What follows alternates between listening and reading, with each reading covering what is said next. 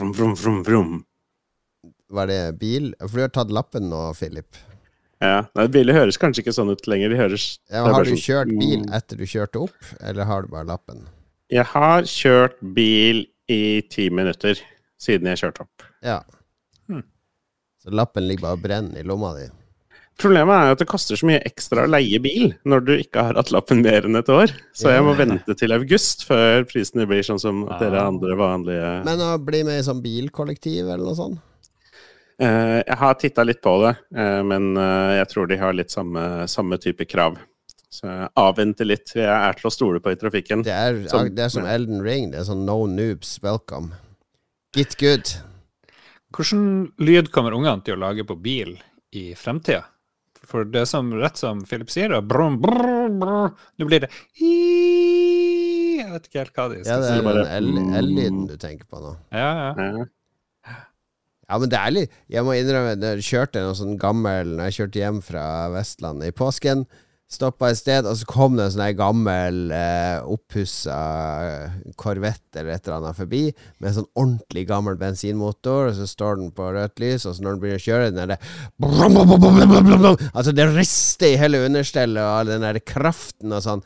Det er litt mer mannlig enn det der støvsugerlyden som eh, følger etter en Tesla. ja. Det er noe maskulint med det. ja, det er det. Det er jo det som er litt gøy med Formel 1. Der er det jo enda litt lyd. Det var mer før, men fremdeles uh, artig.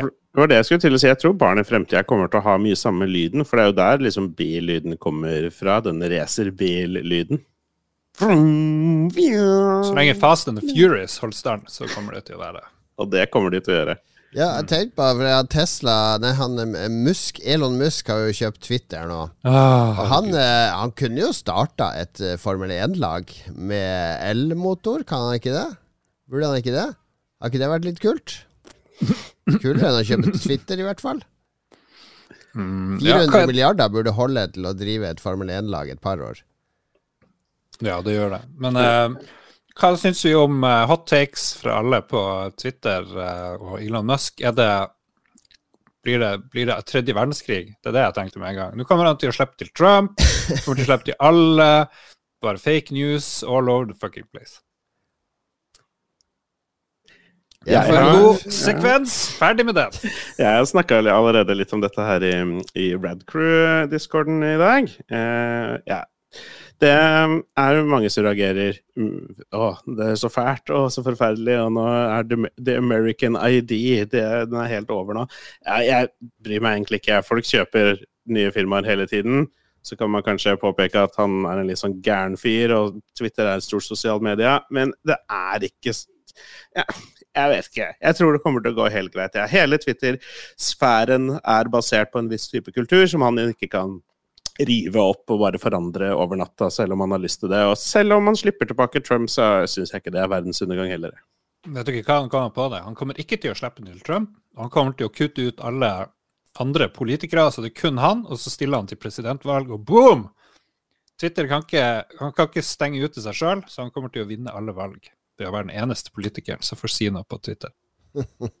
Det er en del sånne takes på Twitter om det her, som er litt sånn der uh, Slapp av. Uh, Trump har aldri fått til noe som helst, så han kommer ikke til å klare å endre Twitter i det hele tatt. Og det er noen sånne rare Musk? takes. Ja, ja, Musk, mener jeg. Trump, ja. Eh, Det er noen sånne rare takes på at. Musk er verdens største flopp.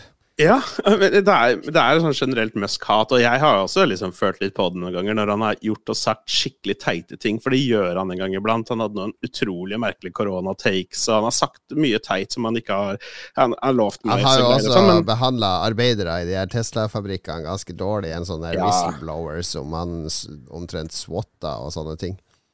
Men han driver jo på en måte god butikk. Det, de, Tesla går jo ganske grei. SpaceX Det er et helt sjukt konsept. Tje- Tjener jo penger.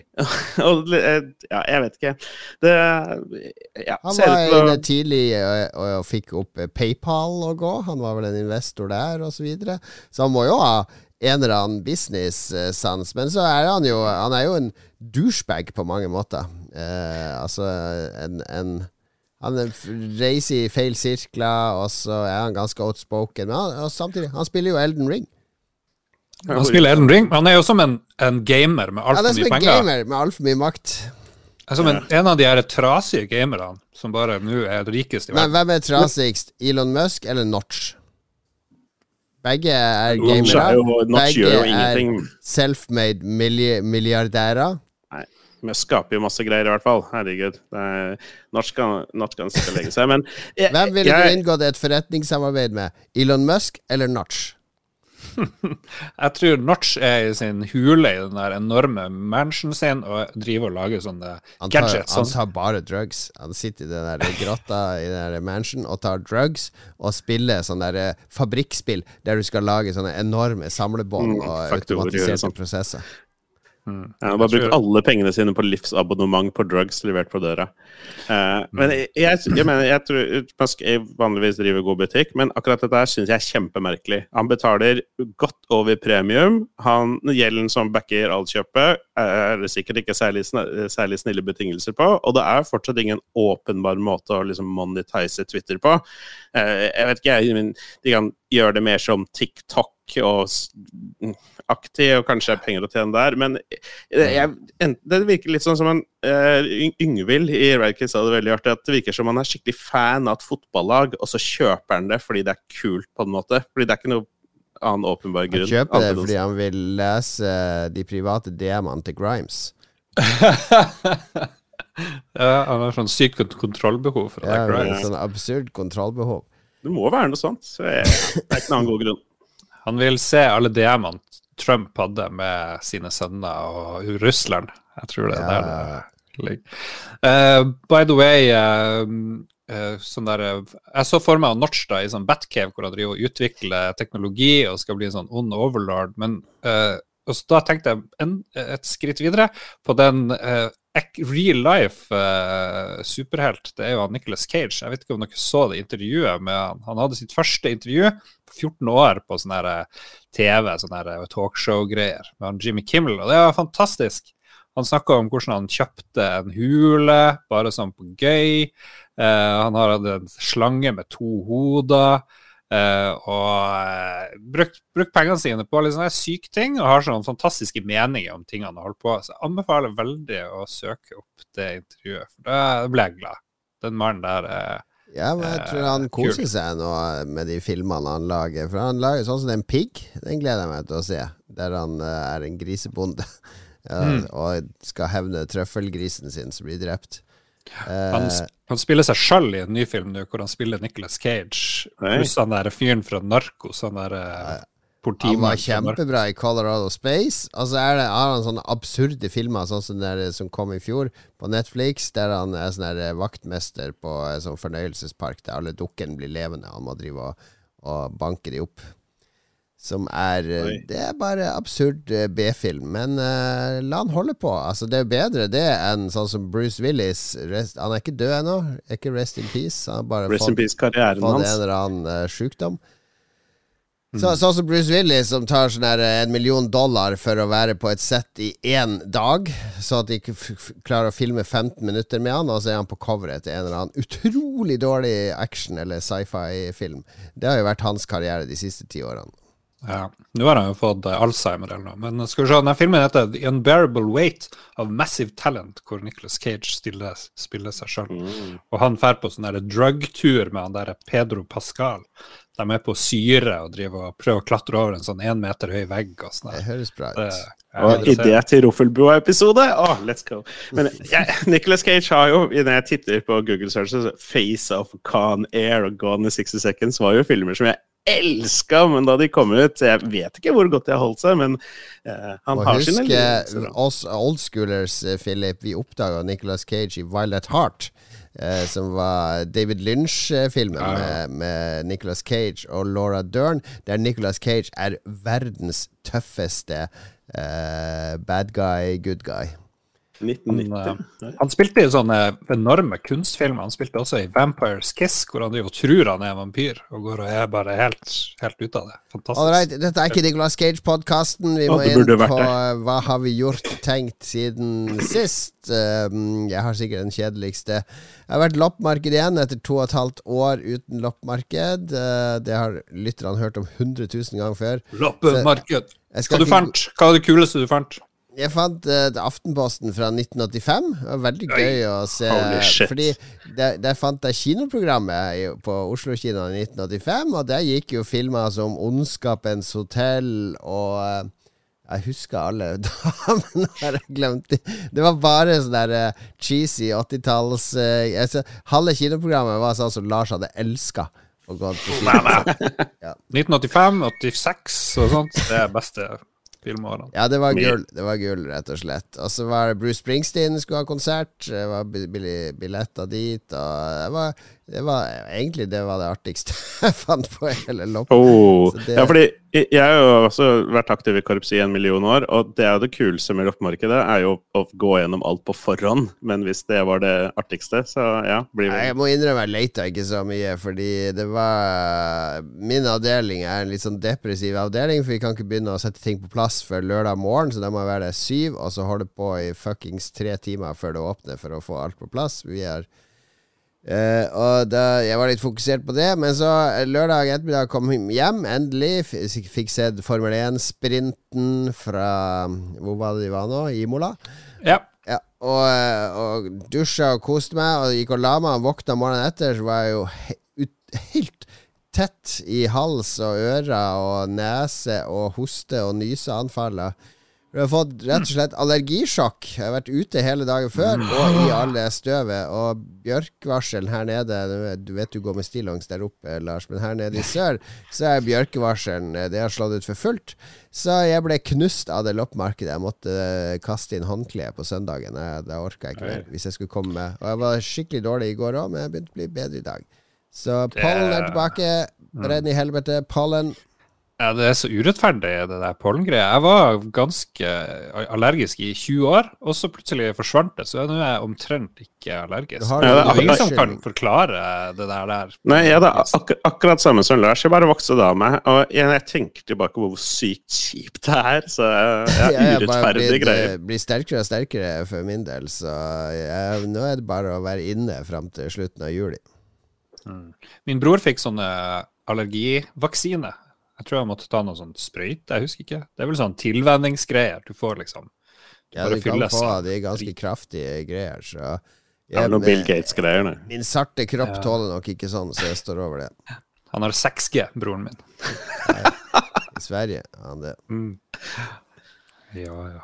6G right. sosialdemokrat-tanker. det blir injisert. Men du nevnte ikke hvilken avdeling som var din avdeling. Som ikke kunne sport og fritid. Oi, oi, Ski og sykler og hagemøbler og barnevogner og Ingen bra games. kjæledyrutstyr og turutstyr og uh, golf. Ikke noe Nintendo, gammel Nintendo verdt Nei. 100 000. Ja. Nei, men det kom uh, Det dukka opp uh, Det dukka opp noe Donald fra 60-tallet. De er jo verdt litt. Det var eneste jeg fant av verdi. Men du sendte en snap hvor, eh, rundt åpningstider hvor det så ut som folk eh, løp inn og Ja, trakk hverandre ned. Hver gang du åpner, så kommer det folk løpende. Eh, fordi det er folk som skal gjøre kupp, og så har de det er forskjellige typer folk der. Det er noen som skal rett på vinylen, ikke sant? Og så bare om å komme først inn, og så tar du begge kassene med vinyl, eller hvor, hvor mye du klarer. Så bare 'Jeg var først! Jeg skal si først! Jeg skal bla først!' Så de beiner inn for å komme først, Fordi hvis det er en eller annen gullvinyl oppi der, så skal de sikre seg den. Så er det noen som er på jakt etter møbler. Noen som er på jakt etter sånn finservice og andre ting. Og de vet hva de ser etter. Men det handler bare om å komme dit først før noen andre. Uh, så, så de er gærne, rett og slett. Og så er det noen som har sånne avanserte triks. Fordi når vi drev på fredag, så driver vi og pakker ut og driver og setter på plass og sånne ting. Og da har folk lov å komme og levere loppe. Så da, når jeg var inne på bok, der som det er bok og eh, film og uh, vinyl, så kom det inn en sånn dude med sånn fem vinyler i hånda. 'Jeg skal gjerne donere disse til loppa.' Og så han der uh, romsjefen så Ja, så bra. Vinyl, ja, det tar vi imot. Tusen takk. Å, jeg har fått litt, ja. Jeg skal bare bla kjapt gjennom før jeg går. så han, han har triks. Han har kjelleren full av sånn råtten, gammel vinyl. Så drar han på loppemarkedet kvelden før. Her, vær så god, skal jeg gi til dere. Eh, Bare la meg se hva dere har fått inn, da. Smarting. Ja, smarting. smarting. Så der er har du, der har du, hvis du samler på vinyl litt, der, der har du trikset for å komme deg inn på loppemarkedene før de åpner. Nå hører jeg det banker på døra her. Hallo, det er meg. Magnus Tellefsen. Hei, Magnus. Hva gjør du hos Lars? jeg, hø- jeg hørte at det blir snakka om eh, loppis, så jeg trodde det var Lolbua fra 2015. Ja, ja, ja, det er sant. Vi snakka mye om det da. Det har vært, vært en stund. Hvordan går det med deg, Magnus? Hva er det du gjør i Nord-Norge? eh, på, eh, på studietur. De har mye De har sykt fra eh, surdeig her oppe. Surdeig og dokumentarfilmfestival. Er det det i Harstad? ja. Ok. Takk for meg. Nå har jeg uh, surdeigen er klar. Da, ha det godt, Magnus. Ha det, Magnus. Ja, det var hyggelig. Det var hyggelig. Hva skjer med deg da, Philip? Jeg har nok en gang skikkelig teite PC-problemer. Det er Jeg- fordi du surfer på de der nettsidene jeg har sagt du ikke skal surfe på. Men denne gangen så er det hardware-relatert, og jeg vet ikke hvor mye eh, skittent jeg kan surfe på for å sørge for disse tingene. Jeg vet ikke om jeg egentlig fortalte om det, men jeg har jo en monitor som eh, er eh, ganske kraftig, og den har noen svære vifter inni seg som jobber skikkelig hardt for å holde den kald, men til tider så overheter Men monitoren det er min. monitoren du snakker om her? Ja, monitoren, skjermen jeg sitter og sånn spiller på. Ja, ja, det er jo en 4K 144 her-skjerm, fordi det, man, det er jo minstekravet. Um, og den blir så varm at den har begynt å overopphete i 4K det siste. Uh, er 4K. Uh. Mm, har du poler er det på 4K-kamera? Det er waste. Ja, det kunne vært. Kunne vært. Eh, men eh, det mest irriterende av alt er selvfølgelig at den bare slår seg av, og den kan den finne på å gjøre nærmest når som helst, midt i en bosskamp i Elden Ring eller midt i et viktig raid i World of Warcraft, fordi den blir for varm. Eh, nå er det jo heldigvis vår, så nå kan jeg ha vinduet åpent hele tiden, sånn at det blir ekstra mye deilig kjøling. Ja. Eh, men ja, i tillegg nå de siste dagene begynt å skru. Det må være bare så lenge, Fordi om en måned så er det 30 grader ute. Hva faen gjør du da? Jeg er litt nervøs. Det kan hende jeg må kjøpe noen bordlam- bordvifter eller noe sånt og bare legge de under hele monitoren. Og ja, jeg vet ikke. Tenk på å f.eks. kjøpe et uh, kjøleskap, og så sette den inn i kjøleskapet mens du spiller. Det tror jeg hadde funka veldig fint og vært ganske lite energieffektivt. Eh, da tror jeg nesten det er greit å skru ned oppløsninga og se om det hjelper. Men det må jo være defekt, høres det ut som. Ja, jeg dette, dette er en skjerm som Dette var liksom den første, en av de første ordentlig høykvalitets 4K HDR 1144 R-skjermene. Så den har litt å gå på på byggekvaliteten. Det er ikke bare jeg som klager over har, hvor har, har du ikke garanti på den? Er det 20 Jo da. Jo da, jeg har garanti på den. Eh, jeg, har garanti på. jeg bare er litt usikker på hvor mye som er å forvente. Fordi de viftene på den er visstnok ikke så gode, de bråker masse hele tida og Du sånne har jo så- kjøpt en skjerm som skal fungere. Må jo ikke du være så pinglete her? Du må jo stå på forbrukerkravene dine. Ja da. Den, eh, ja, ja, ja. Det, det er litt samme som mitt andre problem. Fordi i det siste så har jeg begynt å skru på PC-en min med den her. Og dette er da en skrutrekker jeg viser frem til gutta nå? Hva er det som skjer hjemme hos deg? På, på-knappen på kabinettet mitt Ja. har slutta å funke. Mm. Eh, eh, Har Hvilken du, sett, PC eh, har du sett filmen Gremlins? For Der er det god forklaring på hvorfor sånne tekniske ting slutter å fungere. Det er sånne små gremlins som får og biter på Ah. ledning og sånn. Gremlins begynner på G, og det gjør Gellaré òg. Har du tenkt på at det er kanskje Gellaré som syns du spiller litt for mye? Har sabotert skjermen din og ødelagt av og på-knappen. Hun ligger og byr seg fram i senga bak deg, og du bare Nei, nei, nei, jeg skal raide ferdig World of Warcraft. Woo, woo, woo, Mm. woo, woo. hver kveld. Look at me, Philip. Gremlins. Look at my titties. Du bare ah, Elton Rigg! Sett de før! Ah. Gremlins er også veldig hår... Nei, uansett. Eh, det eh, som Den på-knappen har egentlig ikke slutta å funke. Jeg vet ikke hvilken PC-gud jeg har eh, forbannet meg på. Det er jo ikke en knapp man rage-kvitter og slår ned, på en måte. Jeg har jo aldri vært borti den, så jeg har ingen idé om hvorfor den plutselig slutter å funke. Jeg har da gått inn på? Jeg slår den av hver Ja, dag. da har du jo vært borti den. Ja, men jeg har ikke vært borti den mer enn å trykke på den for å skru den på. Okay, okay. ok. Eh, jeg har vært inne på hovedkortet og dratt ut de ledningene, prøvd å dytte de på igjen. Eh, det funka én gang, begynt å gjøre det hver gang nå, men det ja, slutta å funke. Så nå er de ledningene bare ute, og så bruker jeg denne skrutrekkeren til å binde sammen da de to pinsa som på-knappen eh, skrur på. Så hver dag, Hotwire PC-en din hver dag? hver dag så er det ned med lommelykta på mobilen for å finne de to pinsa, og så Der er den. Kommer det en Altså- sånn liten gnist, da? Eh, Nei, heldigvis ikke. Eller kanskje den er overdøvet av at PC-en må skru seg på. Det går fint. Wow. Det høres litt sånn usikkert det her. eh, Ja. Hvordan Ja, men det, det, spørsmålet, er, spørsmålet er litt sånn hva jeg skal gjøre med det. Fordi jeg, jeg, jeg, kabinett? jeg Ja, det er vel nytt kabinett som er løsninga, men jeg har så lite lyst til å kjøpe et nytt kabinett for bare at den lille på-knappen er, er, er ødelagt. Og jeg vet det er mulig å bytte den på-knappen, men det vet jeg ikke om jeg skal gjøre sjøl. Skru opp hele Hvis kabinettet du og liksom slår PC-en ja, av og på med den bryteren bak til trafoen, slår ikke hele PC-en seg på når du slår den på, da? Override ikke den, den power-knappen oppå. Kanskje jeg skal prøve det i kveld? Ja, det er tips. tips Skru den av med knappen bak, og så skru den på med knappen bak i morgen? Ja, du må jo Ja, skru den av ved å avslutte Windows, da. Ja, så okay. skrur du av den knappen bak, og så prøver okay. du å skru på den knappen på i morgen, og så ser du om hele greia bare buter. Ok, ok, det blir spennende. Det blir spennende. Keep us posted i våre sosiale mediekanaler. Jeg er sikker på at lytterne vil ha en oppdatering. De hører denne episoden i morgen tidlig, og så kommer de til å sitte på jobb og bare lurer på hvordan i helvete gikk det med den PC-en til Philip? Gikk det bra å slå den på? Så de må få et svar i løpet av morgendagen. Jeg kan sette på sånn 24 timer stream så- Gjør det. Gjør det. Eh, Jeg har også veldig lyst til å nevne én ting, og det er at naboen min vil låne leiligheten min. Hvorfor det? Ja, hva er det for noe? Er det, er det din? Er det kjøpt en leilighet, eller leier du den? Nei, vi leier den leiligheten. Ja, da kan ikke som du låne den ut videre, da. Nei, det er jo selvfølgelig første problem. Men Ja. de kom her, da, her på døra her om dagen La meg fortelle noe litt om naboen din. Hvem er der? Er det, veldig hyggelig pakistansk familie. Ja, Ok, ja. Det er ganske mange, og de det, er ikke, eh, det er ikke en som selger hasj på Grønland, liksom? Nei. Sky. «Hei, 'Kompis, kan jeg låne leilighet din? de?' Bare, bare litt, bare litt. Jeg tror ikke det er noe Breaking Bad-opplegg eller noe sånt. Nei, Okay, Nei. bra. Eh, ikke er de på Stortinget heller. Og det er um, eh, Ja, de eier to leiligheter i, i blokka, og um, Og så trenger de- en tredje? Hva er det her med en stormannsgal pakistansk familie? I slutten av juni skal det være bryllup, og da oh. kommer det jo en haug med folk. Og da er ikke du invitert? Da er jeg dessverre ikke invitert.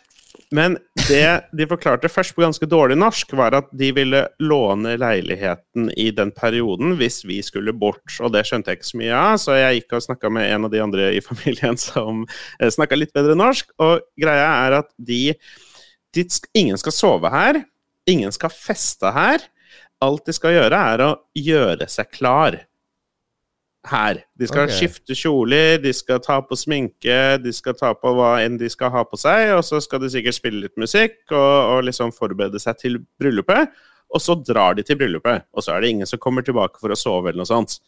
Um, uh, men dette er jo da et ti dagers bryllup, så de trenger What? å forberede seg hver dag over ganske mange dager. Ti dager, det er jo lengre enn mitt første ekteskap varte. Jeg får håpe de går bedre for de her. Ja. Uh, jeg vet ikke. Om, jeg, jeg må jo selvfølgelig liksom ta det opp med huseieren om det er noe de er villige til å gjøre, og jeg tipper de sier nei, så jeg, det er ikke noe jeg egentlig realitetsbehandler så mye, men huseier, jeg ville bare sagt Bare ja. La de gjøre det. Altså, jeg er sikker på at det, det står en veldig fin gave igjen til deg når, når de er ferdige som takk. jeg har bedt om betaling. Så det er ikke snakk om at de får låne noe gratis. Da, hvis Ja. jeg skal være borte ti dager, så skal de betale ti dagers leie, pluss litt, Mm. for Ja, ja. Ja, hvor du skal bo, da? Nei, det er det, da. Jeg må enten dra på hytta, som sikkert er mulig, eller dra til Larkollen og være sammen med faren min eh, og familie der, som sikkert er mulig, men det er også litt kjedelig. Så vi ser jo på mulighetene for om vi kan finne en ferie som er billigere enn det vi får inn for eh, å leie ut leiligheten. Og da kunne jo det vært artig. Men eh, ja. ja. Jeg vet ikke. Hva hadde dere anbefalt meg å gjøre hvis jeg hadde eid leiligheten? Nei, altså, jeg eh, lånte bort Jeg er jo ganske raus av meg, da. Jeg er ikke så Å grådig. ja, jeg stemmer det. Eh, jeg, hadde, jeg har en kompis, en gammel kompis som heter Thomas Kusk. Eh, en sånn av og på-kompis. For det er ikke en jeg henger med til vanlig, men når vi først henger, så er det som Altså, han har hjulpet meg å flytte fra Bergen til Oslo og sånne ting. Eh, så han har alltid stilt opp for meg. Og når han er egentlig dansk, når han skulle ha foreldrene og søstera og hennes to barn, som skulle komme en uke til Oslo for å besøke han eh, for første gang på ti år, så spurte han er dere bortreist, går det an å låne rekkehuset deres. Og selvfølgelig sa jeg ja. Og da, det var folk jeg aldri hadde møtt før. De bodde her i en uke uten å betale noe som helst. De la igjen en tusenlapp da for strøm og litt sånne ting. Men det er jo stor forskjell på nabo-ukjent familie og din eh, en godt bekjent. Ja, Det- er, vi hadde jo sagt nei hvis det var mora di, Lars. nei, det hadde jeg jo ikke. Herregud. Mamma sier eh, Nei, jeg skulle bare vri det over, for jeg Mamma. ser du har Ja, sk- apropos- skrevet noe veldig dramatisk her. Ja. Mammaen din er død, og du driver med oppussing. Fortell, er det oppussing på gang? Men opp, oppussing av utropstegn og mamma død? Spørsmålstegn? Ja, dette Ja, det er to. Det er to store ting. Kan du ta det siste først? Det har jo sett Ta det mest interessante først. Oppussing. Ja, ja, oppussinga før. Det har sett ganske forferdelig ut hos meg ganske lenge nå. da. Eh, Det er ikke lister rundt vinduene i stua og sånn. Det har vært sånn i tre år. Ja. Det ser ut som en sånn mamma som Crack- kanskje død, crack kal house. kalte det en slum. Men eh, og så var det så dyrt i sommer, så jeg fikk lyst til å Du venta til det ble krig i. Ukraina, så det ble dobbelt så dyrt for råvarer. Ja, det var dårlig timing. Og så ble strømmen så dyr, så det var egentlig det som gjorde det. Ok, nå må jeg gjøre noe med det huset. Så i dag har jeg avtalt Det har vært helt opp i 40 øre kilowattimen. Oh, man. Ja, ja, ja. Nei, i dag så har jeg avtalt å pusse opp hele stua, så det blir bra. Jeg må bare si det. Vi har ikke nok patrons til det her, Lars. Ja.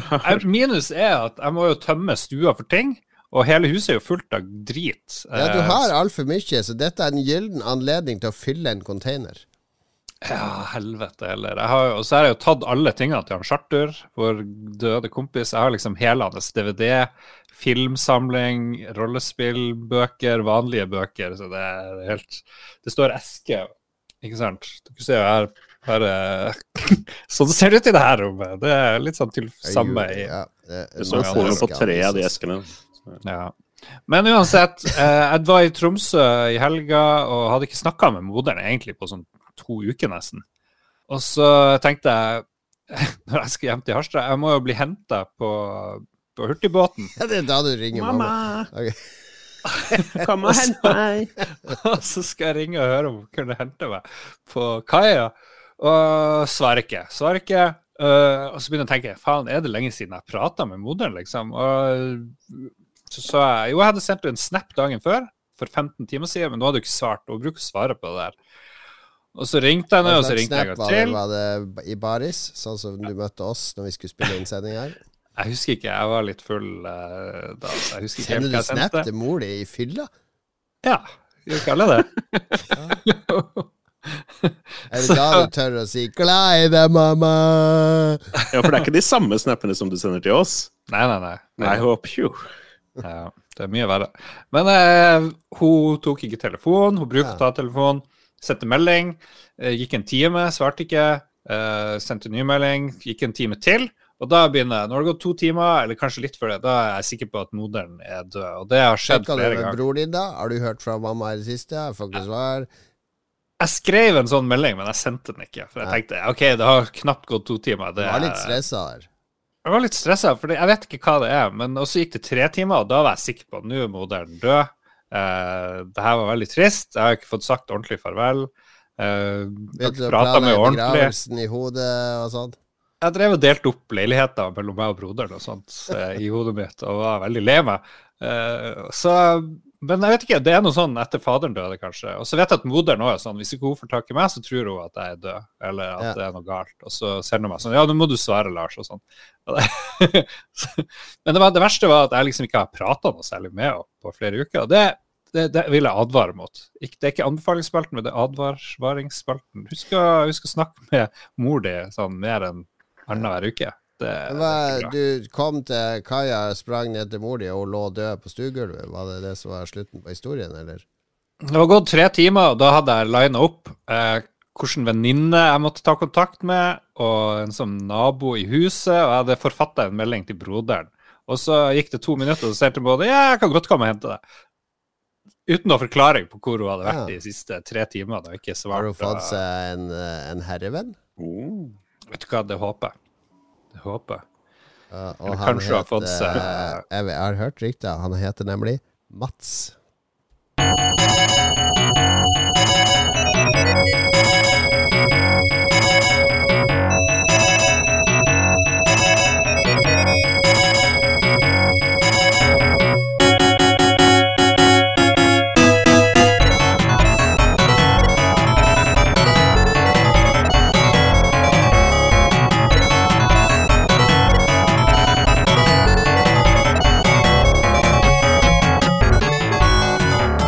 Litt musikk fra Darius. Jeg tror vi har tulla før med etter du mista far din, Lars, hvordan det ville være hvis jeg skulle gifte meg med mor di, og du ble stesønnen min og sånn. Ja. Jo, jo. Man må kunne tulle med det meste, tenker jeg. Ja. Ja. Oi. Enig med det. Mikrofon. Men nå skal vi snakke om hva vi har spist. Du sitter og spiser under sending, Lars. Det er en uting. Ja. Det er min skyld, da, for jeg har så, dårlig, så lite vindu vi måtte spille inn i. Lars, Ja. vær, vær ærlig. Gikk du og tok ut pizzaen av ovnen rett før vi begynte å spille inn? Yep, Var det derfor du satt i baris? Fordi du ville ikke si 'jeg må gå og ta ut pizzaen', for da visste du ville få kjeft. Så du hadde tatt, tatt deg i baris og sånn der 'Jeg skal bare gå og slenge på meg en T-skjorte', og så var det ut på kjøkkenet, ta ut pizzaen, og så ta på seg en T-skjorte. Jeg var svett fordi jeg måtte sykle fort hjem fordi jeg skulle møte snekkeren klokka fire. Og etter at snekkeren var gått, så slengte jeg inn pizzaen. Og så tok jeg av meg T-skjorta for jeg var så varm, fordi jeg hadde superundertøy, fordi jeg hadde sykla i snestorm. Uh, Jæren. Neste gang så syns jeg du skal sykle hjem fort. Åpne døra, der står snekkeren, og så tar du av deg bare overkropp. Og så sier du 'yes, bra du er. Nå skal vi se. La oss snakke penger. La oss snakke penger. Hvordan musikk var det? Jeg fikk ikke med meg. Jo, vi spilte musikk fra Darius 30, mm. 30th Anniversary. Det er jo et japansk uh, sky, eh, sånn der shoot em up-spill med et romskip. Klassisk serie, ikke spilt nesten i det hele tatt. Nei, Jeg kjenner veldig lite til det, men kan jeg gjette på at det vi hørte fra nå, var en Sega-konsoll? Mm, Jeg tror det faktisk er fra Ah, Var bare så Sega-iske lyder over det. Ja, er den der klangen. Den uh, Sega-klangen. Ja. Eh, men da skal det faktisk handle om spill, ikke om eh, død og oppussing og loppemarked og Eller Formel 1. problemer og pakistanske bryllup. Men spill, eh, rett og slett. Eh, hva vi har spilt i det siste. Og Philip, du, eh, du, du følger opp fra sist, for jeg så du hadde skrevet det da siste òg du var med. Ja, og så ta, har de en tendens til å dra ut litt i episoden i Emmy, så da skippa vi den, og så tok vi med det til, til neste gang. Ja. Eh, jeg spiller jo For jeg spiller jo mye av de samme spillene jevnlig fra uke til uke. Eh, men The Dark Pictures Anthology er en spillserie på hittil tre spill, planlagt åtte, som jeg og GLRE Hvorfor har det planlagt åtte? Det høres veldig slitsomt ut å planlegge åtte spill. Det er jo liksom neste 20 årene av ditt liv. Det er Supermassive Game, som er mest kjent for uh, Hva er det heter for noe? Dette er y- Until Dawn. Ja. er eh, relativt kjent. Det er forferdelige hytteturspillet. Ja, det er det, det, det er de filmatiske horrorspillene der du må ta sånne valg underveis. Ja, ja, ja. Jeg husker vi spilte jo det på hytta og tok Ja, det var, det det var litt artig og- å spille på hytta. Jeg hadde aldri giddet å spille det alene. Men du spiller de her alene, Philip. Nei, jeg gjør ikke det, nemlig. Jeg er litt artig at du nevner det. Fordi disse spillene, ja, det er det det er. Det er sånn filmatiske skrekkspill. Og The Dark Pictures Anthology, ja, de planla da åtte spill. Uh, tre av de er ute. Vi har spilt om de to første, hvor det er da forskjellige settinger. En er på et gammelt skip som plutselig oppdages driftende ute til sjøs, og så begynner man å se ting, og så Oi, oi, oi, skummelt. Og den andre er satt i et type sånn Silent Hill, bare med fem personer i stedet for én. Yes. Uh, og ja, og det er jo et sånt type filmatisk eh, skrekkspill hvor du så vidt får lov til å spille. Du får lov til å gå litt rundt, og en gang iblant så er det noe QTE-sekvenser. Quick time! Ja, og det har vi jo savna veldig. Uh, men ja, det som i det hele tatt gjør det interessant, er stemninga, at det er litt skummelt, og det at jeg kan spille det med Gelaré. Um, det å gjøre det til en multiplayer-opplevelse, det gjør det øh, mer artig automatisk. Mm. For de gjør, også, de gjør også en del valg underveis i spillet som påvirker Det er de andre sånn det er litt sånn. politisk ukorrekt terminologi. Litt sånn konespill. For det er også yeah. David Cage-spillene er litt sånn konespill. Og med kone her så mener jeg det er din partner. Det kan være både en mann eller en dame. Jeg skal ikke være kjønnsdiskret. Men hvis du har en partner som ikke er så glad i å spille dataspill eh, For jeg har jo også spilt eh, David Cage-spill mens kona mi har sittet og sett på, og hun har blitt engasjert. Fordi Mm. hun skjønner eh, fortellermetoden. Hun skjønner at eh, Hun vil ikke drive og klatre opp den gjørma til åssida som han eh, FBI-agenten i eh, Heavy Rain, eh, og trykke på L-en og R-en og trekant og sånn, og så skli ned hvis du bommer. Det syns hun er teit. Det, det, det, det er helt fint at jeg gjør det, og at hun ser på. Mm. Eh, jeg husker jeg spurte deg om tips til partnerspill for en god stund siden. Da nevnte David Cage. Kellaria har spilt gjennom alle tre. Yes, det. Eh, sitt, I beste fall, eller i verste fall, setter hun på is i det hvor det er litt kjipt, men hun, er, hun liker det David kjempegodt. Så det, Cage. Vet hva du snakker om, Gets. favorittutvikler. ja. Eh, litt samme greia her. Det er gøy å spille sammen, og skrekkspill kan være en stor hit med partnere. Eh, samme som skal se en skrekkfilm. Og man gjør valg underveis som påvirker forholdet til mellom figurene, og da den din partner spiller, eventuelt. Eh, og det kan sikkert være like gøy med en kompis, men jeg hadde nok aldri spilt aleine. Og jeg hadde heller ikke spilt eh, co-op over nettet. Det å liksom sitte hver for seg tror jeg også ikke ja, er noe særlig. Nei, det høres kjipt ut. Er det, hvordan er dere med skrekk og partneren? Eh, fordi jeg har en partner som skvetter veldig lett, vi, og hun ser jo ikke skrekk. Men hvis vi ser noe sånn suspensgreier med sånn morder, gjemme seg i mørket, mørkt hus, du vet at nå skal det skje noe fælt, så bruker jeg selvfølgelig jeg å gjøre noe sånn! Og da hun, hun får nesten hjerteinfarkt. Jeg klarer jo ikke å la være. Er dere sånn som liker å skremme partneren? Eller er dere sånn som blir skremt av partneren? Ingen av delene, men uh, hun liker jo å se sånne skrekkgreier, da. Så eh, god idé, jeg skal prøve det. Ja, Jeg får ikke lov. Ja, Jeg, jeg, jeg har gjort det et par ganger, men eh, nei, det ble vel slått veldig hardt ned på at det får jeg ikke lov til å gjøre igjen. En annen artig ting jeg har gjort, er fordi når jeg kommer hjem fra jobb, så har ofte hun kommet litt før meg, så står hun på kjøkkenet og gjør, lager middag, og da kommer jeg kjøkkenvinduet vårt er rett ved inngangsdøra, og da bruker jeg også snike meg bort til kjøkkenvinduet og så bare stå og stirre inn ansiktet helt inn i kjøkkenvinduet. Så når da snur seg, står som sånn stekepanne og snur seg mot vinduet og ser et fjes der, så er det sånn! Så bare spruter eh, deig og saus og sleiv og sånn over hele kjøkkenet. Driver frityrsteken og så bare får hun alt over ansiktet og blir sånn her vannsyra for livet. Stakkars kvinne. Kan du takke deg selv, Jon Ja, Cato? men jeg, det, det er litt for gøy. Hun er så lett å skremme, så det er, det er litt for lett, og det er derfor det er litt for gøy. Men eh, kjæresten min hun, hun har null interesse av dataspill, og det er nesten umulig å få henne med. Hun hater konkurranser, så hvis hun er med i sånn overcooked, så bare blir hun sur hvis hun taper. og så Hun bare vet at hun taper før hun begynner. Var det en sånn Sånn er eh, en defeatist-greie. taper. Men jeg lurer på hvilket spill jeg skal få med, med på. Kan, kan- du kan teste dette. Men hun likte skrekkfilmer og sånn? Ja, det Sa du? Ja, kan du, du kan, kan sjekke ut det der. Sett det på easy eller whatever, og så bare story mode. Slenger gjennom. Og, og det gjør ikke Det er litt stille, for hvis, du, hvis man feiler litt Etter hvert så blir jo knappekombinasjonene vanskeligere. Og hvis man feiler, så er det en del av storyen. Det er greit. Da dør den personen, og det er kult. Da er det din story, på en måte, da. Nice.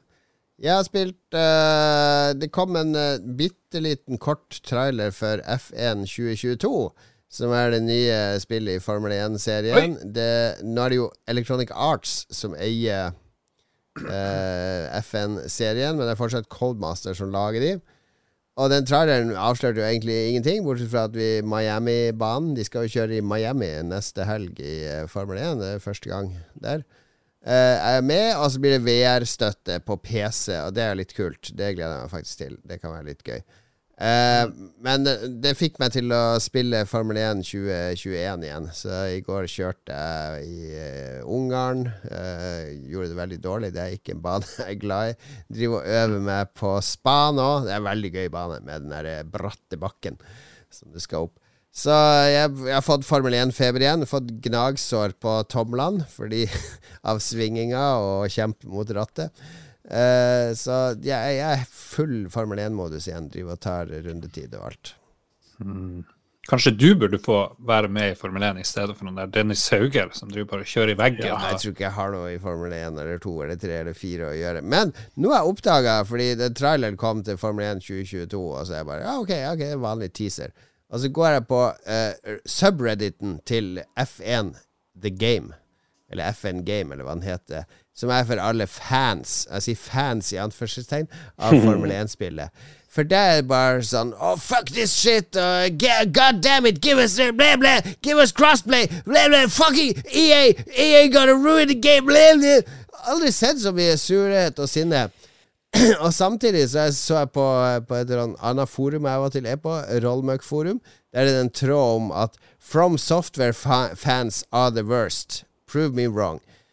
Eh, fordi det er masse idioter der òg, ikke sant? Som eh, From mm. Software-fans som eh, argumenterer og kjefter og smeller.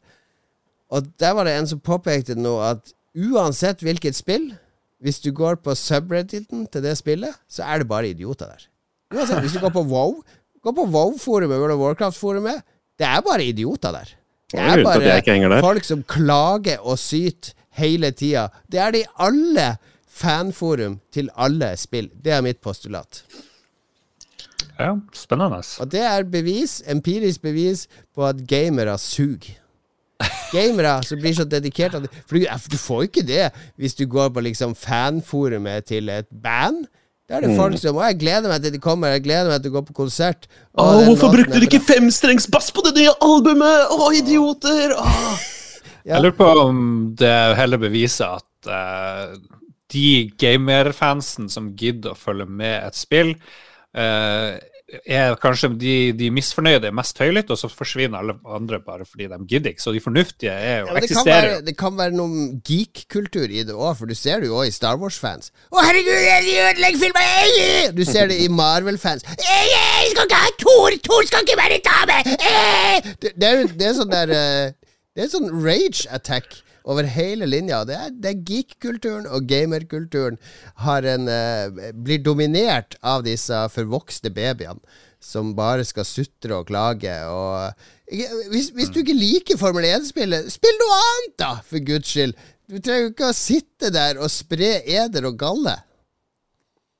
Vise ord. Vise ord, som alltid. Sier aldri. Og jeg er så glad for at du er i juryen til Nordic Game, Lars. Fordi du må ja. spille masse masse nye og rare spill som du kan fortelle mm. om. Det. Du skal være jury konstant året rundt i forskjellige spilljuryer. Det, det må du. Jeg vet ikke, jeg anbefaler ikke å være noen jury. Får altfor mye spill. Bortsett fra juryen til Johnny Depp og hun der Amber. Amber Heard. det tror jeg må være gøy. Ja, fy faen. Han, Johnny Depp er litt morsom, men er han The jury is to uh, strike that remark. The jury is to oh, Jeg så noe sånn supercut. Bare gull fra Johnny Depp.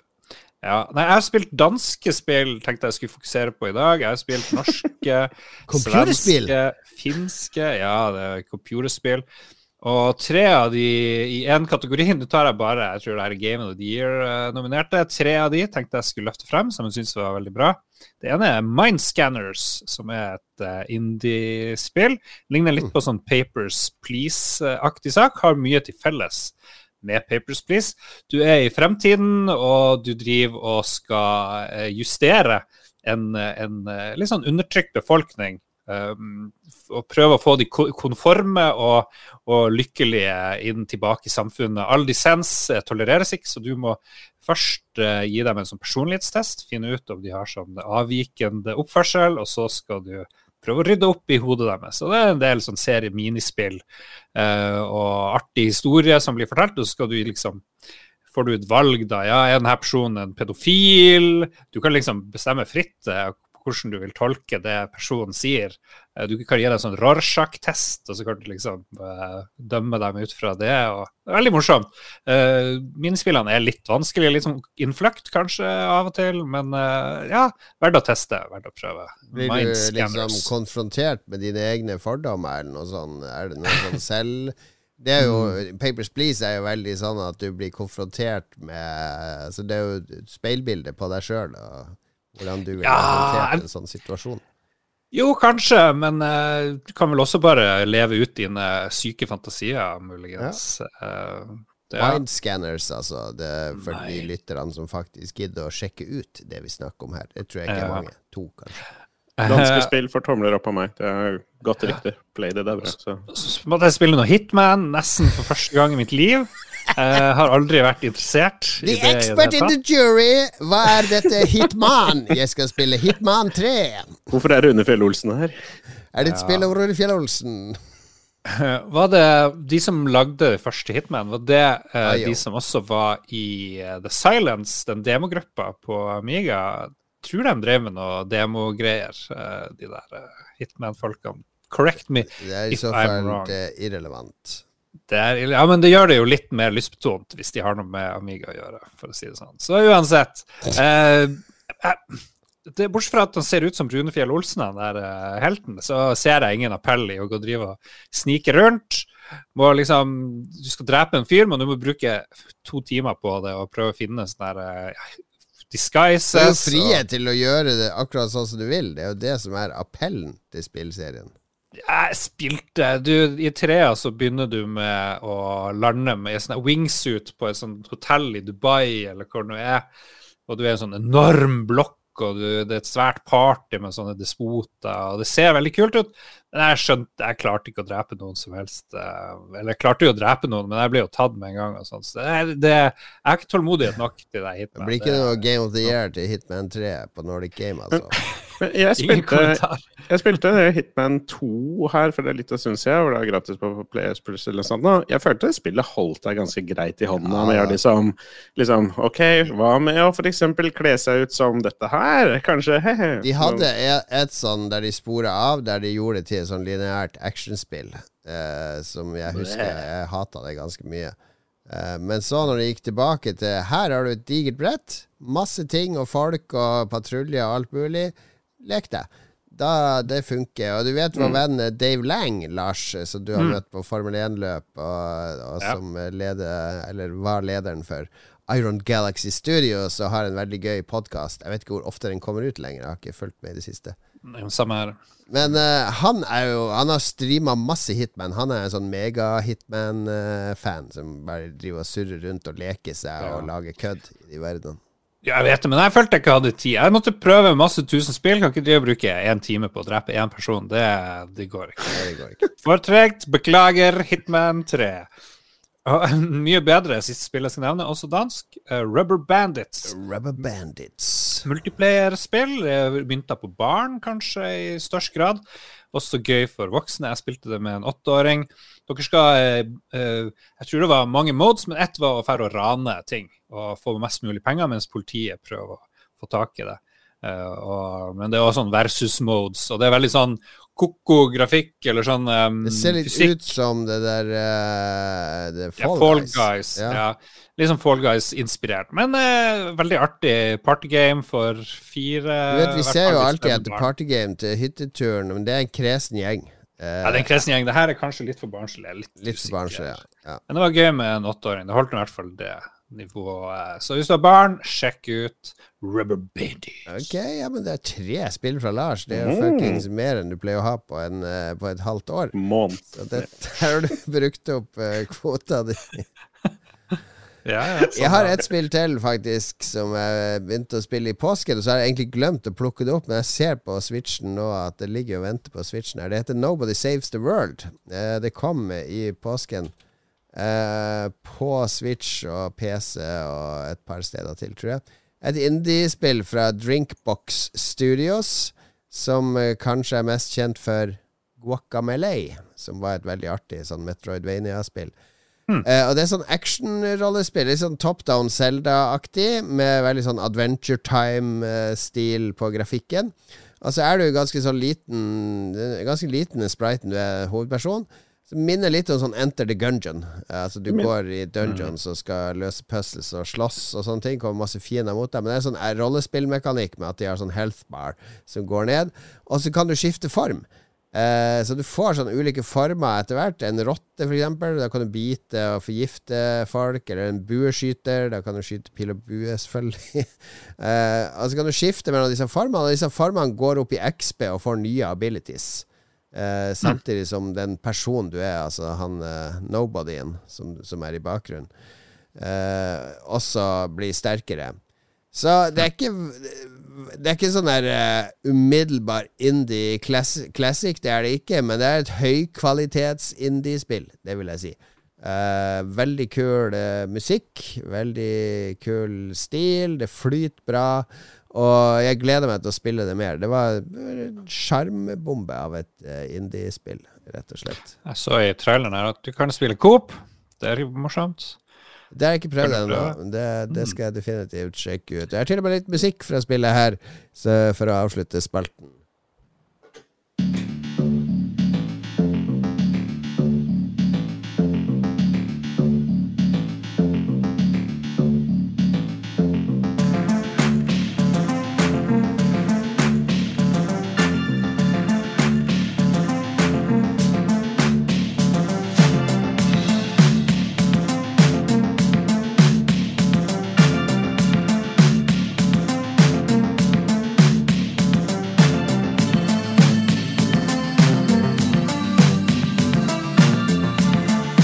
Du igjen i komponisten her, Lars? Eh, ja, det er Jean-Michel Jarre, selvfølgelig. Det er han Jim Guthrie, som vi husker fra Super Brothers, uh, Sword and uh, Sorcery. Mm. Men jeg, Maestro. jeg må bare ta en Lars holdt jeg på å si. Det, jeg skjønner nesten ikke at dette spillet ikke har noe med Castle Crashers å gjøre. For det er veldig likt i den, i den grafiske stilen. Jeg husker ikke hvem som hadde lagd det, så jeg måtte google og sjekke. Men ja, det har jo ikke noe med hverandre å gjøre. Nei, de har ikke det. Det er breaking news. Ja. Breaking news i morgen, eller når denne podkasten kommer ut. Det er førerhundsdag onsdag 27. april. Fordi jeg får mail fra faen meg alle interesseorganisasjoner i Norge. Jeg har fått for opplysningskontor for alt mulig som finnes. Opplysningskontor for kjøtt, for melkeprodukter, for jeg tror vi har fått for sånn tapet eller interiørprodukter. Det tar, det tar aldri slutt. Er det, altså Det, min, det minner meg om det vi. Ja, for det høres nesten ut som noen har bare satt av på masse lister, som er en måte å tulle med vennene sine på. Men jeg husker når vi gikk på videregående, fikk vi utdelt sånne eh, skoledagbøker-aktige ting som hadde masse kuponger inni seg. Og Ja. det var gøy, for der kunne du jo sende inn, skrive opp og sende inn, og så dukka det opp haugevis med tamponger i postkassa til kompisen din hver måned. Ja, og sånne ting, så gratisting som de sendte ut. da. Ja, da koser vi oss. Ok, vi skal uh, snakke Det er nyhetsduell, rett og slett. Denne gangen Dere skal ikke gå inn på disse nettsidene, men uh, vi skal ta de tre øverste sakene på gamereactor.no og pressfire.no. Skal de duellere. Skal, jeg skal lese overskrifta og ingressen. Det er det dere får vite. Så må dere bedømme hvor sannsynlig er det at jeg ville klikka meg inn og lest videre på denne saken? Hvor relevant spillnyhet er dette, osv. Ok? Vi, tar, vi er eh, spillpressens vaktbikkje, rett og slett. Toppsaken på gamereactor.no er en nyhet. Det står nyhet på alle sakene. Nyhet, nyhet, nyhet, og så står det hardware-tekst, nyhet. Så dette er en nyhet. Nye PlayStation Plus! Så mye koster det i Norge! Da Sony endelig offisielt annonserte det nye PlayStation Plus-systemet, valgte de i kjent stil å bare avsløre hva de ulike nivåene vil koste i dollar, euro og pund. Men nå prikk, prikk, prikk, står det. Ja, jeg må innrømme jeg fikk lyst til å klikke. Jeg vil vite hva det koster i Norge. Så, Ja. ja. Hmm. Hva med deg, Philip? Jeg har ikke særlig lyst til å klikke, for jeg bare antar at det er det samme som i euro ganger ti, eller noe sånt. ja, Men husker du det? Hva det var i euro ganger ti? Nei, men jeg, jeg, jeg kommer ikke til å kjøpe en oppgradering av det med det første uansett, så jeg er bare ikke nysgjerrig nok. Sorry, Game Jeg kan røpe at PlayStation Plus Premium, som er den dyreste med alt, den vil koste 165 i måneden. Motherfucker. Hva, hva med de andre? Nå, nå er jeg litt nysgjerrig. Ok, jeg, er jeg, du- jeg ville klikke likevel. Jeg tar det tilbake. PlayStation Plus ekstra 135, og så den vanlige 85. Det som er det samme som i dag. Ok. Ok. Så jeg jugde. Det var Game Rector sin. Pressfire sin toppsak er Sony skal ha opprettet en egen avdeling for å ta vare på eldre spill. Ingress spillpreservering viktigere enn noen gang. Og det her Game Reactor, det, ja? Nei, det var Pressfire sin Ja, det er toppsak. Pressfire. Ja, for det var jo en bra uh, Ja, den er likt, det. Mm. Den er jo litt er mer eh, kulturelt relevant, fordi det å preservere gamle spill og spilleopplevelser, det har en kulturell verdi, kanskje. Det kom jo en nyhet eh, om det, sleste, fordi Apple driver og fjerner spill hvis ikke du har opp Hvis utvikleren ikke har gjort noe med spillet på ett eller to år, eller hva det er, så bare fjerner spillet, fordi de mener at eh, Jeg vet ikke hvorfor. Dødt. Så liksom, mine favorittspill Jeg har sett noen prøvd å laste ned noe sånn eh, Tiny Wings eller et eller annet sånt, bare sånn deilig avslappende greier. Nei, borte vekk. Sikkert Ja. Spillet fungerer sikkert helt topp, men eh, utvikleren vil at eh, Nei, Apple mener at man må gjøre noe. Jeg vet ikke hva de vil. Jeg er ganske nysgjerrig. Jeg husker jeg terga på med spilldiscorden angående at PlayStation 3 skulle legge ned serverne sine eller noe sånt. Og var å nei, så forferdelig, nå kan vi ikke spille Mag online lenger, I guess, til PS3. Eh, Så Sony har liksom fått litt Soko. pepper for dette tidligere. Så det, at de, så det at de nå skal gjøre noe med det, er jo, er jo litt artig. Selv om Ja. de møter, ser litt av kritikken eller noe sånt. nå. Så hvem vant duellen der? Hvilken sak interesserte dere mest? Hva var det viktigste? Var det PlayStation Plus, som vi koster i Norge, eller Sony har opprettet en egen avdeling for å ta vare på eldre spill? Stem på sistnevnte. Jeg går for t- Jeg går for Game Reactor her. Beklager, Pressfire. Ok, ok. 1-1, 1-1. Mm, Full Det er fordi sånn eh, pressefaglig, clickbait-faglig, så avslører de kanskje for mye uh, i den tittelen der. Ja. Burde kanskje omjusteres bitte litt. Vet ikke. Spørs. Vi går til sak to, og denne blir spennende å vurdere. Her skal dere få litt informasjon om illustrasjon og alt. Fordi på Game Reactor står det nyhet. Super Mario-filmen utsatt til april 2023. Og så er et bilde av en sånn trist Mario, altså Mario-spillfiguren. Mens på, Game på Pressfire så er sak nummer to Super Mario-filmen utsatt til neste år. Og der har de et bilde av Chris Pratt. Hva er hvor, Hvem har best presentasjon av nøyaktig samme sak? De som Altså, eh, Pressfire går med Chris Pratt. Ja, det er jo tross alt han som skal spille Mario i filmen. Mens Game Reactor har bare et gammelt promobilde av Mario. Eh, skrev de begge i tittelen at det var utsatt til neste år? Nei, eh, Nei. Pressfire skrev Game neste år. Game Reactor Game Reactor sa april. april 2023, så de var mer Ja. presis. Ja. ok, da må jeg stemme på Pressware, fordi de gir jo bort hele saken i tittelen. Det er jo ikke noe vits å trykke på det. Ja, for det, jeg liker egentlig Game Reactor sin bedre, men problemet er jo at det er, det er jo jeg, har jeg fått alt jeg lurer på. Ja, Ja. Skriv nå at den er utsatt. Derfor er uh, Ja. Mario-filmen utsatt. Du vil utsatt. ikke tro hvorfor Mario-filmen er utsatt. Eller bare at den er utsatt, så må man i hvert fall klikke inn for å finne ut når kommer den, liksom. Eller det kunne vært litt morsom. Eh, filmen er i et annet år, eller noe sånt. Altså The Princess is in another castle. De kunne vært litt mer eh, Laga en pønn på det. Ja, ja. Mer pønn, mindre Men, pønn. men eh, ok, det var to til Pressfire der, så da er det tre én til Pressfire så langt. Da skal det avgjøres med den siste, tredje og siste saken. Game Reactor, nyhet. Elon Musk kjøper Twitter for 400 milliarder kroner. Og så må vi huske at uh, Game Reactor har sånn krav på seg om å lage 20 nyhetssaker om dagen, da, så det, det kan bli litt, litt ymse. Og så Pressfire. Nå kommer Lars til å kose seg i stolen. Det her er alt du får, Lars. Det er det eneste som står. PS5 får etterlengtet funksjon denne uka. Nå snakker vi. Nå snakker vi clickbait! Og så er det så, litt sånn bilde av en sånn der eh, Det bildet fra eh, Jeg lurer på om det er eh, ja, Det er et eller annet spill med en sånn rødhåra dame. Er litt, bildet er litt fragmentert. Ja, veldig bra. Veldig bra, Pressfire. Godt jobba. Jeg husker ikke Game Reactor sin engang, jeg. Det var Elon Musk kjøper Ja, ok, drit i det. Pressfire og alle pengene. Ok, det ble Pressfire 5 igjen, Og hvis dere lurte på hva clickbaiten var, det er jo selvfølgelig at uh, PlayStation får den der uh, variable refresh rate-funksjonen. Altså at Ah. du skal få mindre tearing. Det har kanskje Ja, du opplevd på din 2000-tommers eh, skjerm, Lars. Vet du hva, det beste med å komme hjem nå her i helga, og etter å ha oppdaga at mamma ikke var død, det var å se hvor bra den her TV-en er. Holy fuck, for en TV har. Jesus. Kjæreste, unger og Kautokeino, vel og bra, men TV, det er livet, det!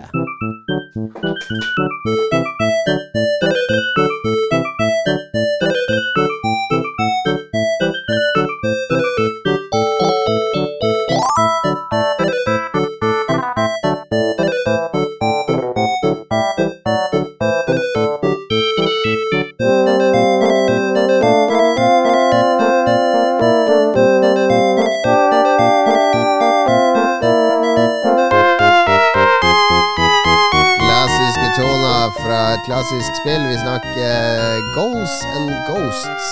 oppfølgeren til Ghost and Goblins. Arkadeversjonen. Er de like vanskelige, begge to? Ja, vel kan Jeg tror kanskje Go Ghouls and Ghosts er vanskeligere enn uh, Ghost and Har ikke kommet meg forbi level 1 på noen av de her spillene, tror jeg. Nei, det er tøffe spill. Vi er i anbefalingsspalten. Det ser ut som Philip anbefaler å gå på do, for han har løpt Han løp fra setet sitt med en gang eh, musikken kom på. Og der er han tilbake. Yes, det skal anbefales ting. Jeg kan godt begynne. Uh, jeg, på tur, altså, alle i musikkpressen og sånn har jo skrytt så veldig av uh, Omer uh, Sharif og Carpe Diem og Jo da, de er jo, de er jo flinke, de. Carpe har mye bra låter. Eh, men jeg er jo ikke helt i målgruppa, må jeg jo innrømme. Eh, det, det må tilhøre ungdommen. Unge folk, tenker jeg. Veldig imot at de bytta navn fra Carpe Diem til Karpe. for Jeg syns det var helt fint. Helt fint. Karpe, Karpe, hva? Men så i bilen på vei hjem eh, fra påskeferie, så spilte de den der paff.no-låten. Eh, jeg vet ikke om dere har hørt den? Er det noen foundation-greier? Hva er opplegg? De har et eller annet opplegg. Paff, eh, altså Karpe har jo jobba for å få tilbake rettighetene på musikken sin. Og så hvis vi får den, skal vi gi bort alt. Vi skal ikke ha noe. Så de, de gjorde jo denne uka så ga de bort én million til en masse ulike foreninger for eh, fattige barn i ulike land, flyktninghjelp osv. De er jo så good guys at det er helt sjukt. Altså de, jeg syns de har så sansen for eh, det de gjør. Og også musikken de har laga. Fordi den paff.no-låten den vel- Allah, Allah, ja, den er Allah, Allah-låten. Og den er så fin. Vi hørte på den i bilen, og ungene var helt sånn forfjetta. Og nå har vi hørt den hver gang vi setter den på. De ungene er helt med, og de, syns den, de synger med fint. Det er ikke sånn tullesynging. Fordi de syns den låten er veldig fin. Og jeg, jeg syns den er fin. Kona mi syns den er fin. Jeg syns Karpe er flotte. Jeg husker jeg hilste på Chirac for mange mange år siden på Øyafestivalen. Fordi da hang jeg med en sånn NRK P3-journalist som var hiphop-journalist. Og så kom Chirac bort for å henge litt, og da fikk jeg hilse på Chirac. Det er min claim to fame. Jeg har hilst på Chirac i Karpe. Og nå peier han tilbake ved å anbefale Lolbua-lytterne å høre på paff.no, så nå får de to nye listens på Spotify. Jeg har rappa på samme scene som Karpe. Ah, det det? Ikke samtidig, men uh, dette er jo veldig back in the day. Fordi det, jeg vet ikke hvor mange som vet dette, men Carpe Diem de slo seg opp, starta Jeg vet ikke hva jeg skal si. Som Operasjon Dagsverk-rappere. De holdt jo på lenge og sånn, men så kom de seg inn i Operasjon Dagsverk, liksom, nettverket. Og der ble det jo arrangert Jeg var med å arrangere det for Østfold. Masse sånne forskjellige konserter rundt omkring. Eh, og da kom de fra Oslo og toga ut til Sarpsborg for å holde da konsert på denne Operasjon Dagsverkskonsert-tingen som ja, vi arrangerte der. Eh, jeg rappa nok en del tidligere på kvelden enn det de gjorde, men eh, det var i type 2003, 2002, to, ja, rundt der. Kjempelenge siden. Og allerede da så var det sånn Jeg var jo veldig interessert i hiphop og rap, jeg blei så imponert over disse folka her. Og er jo, skjønte er jo, er jo to av de mest hardworking eh, folka i norsk hiphop, antagelig. ja. De ja, er, de er, de er jævlig flinke. Ja, de har stått på. Få høre noen bars. Ta og Spytt litt der, Philip. Hva var det du rappa på scenen da?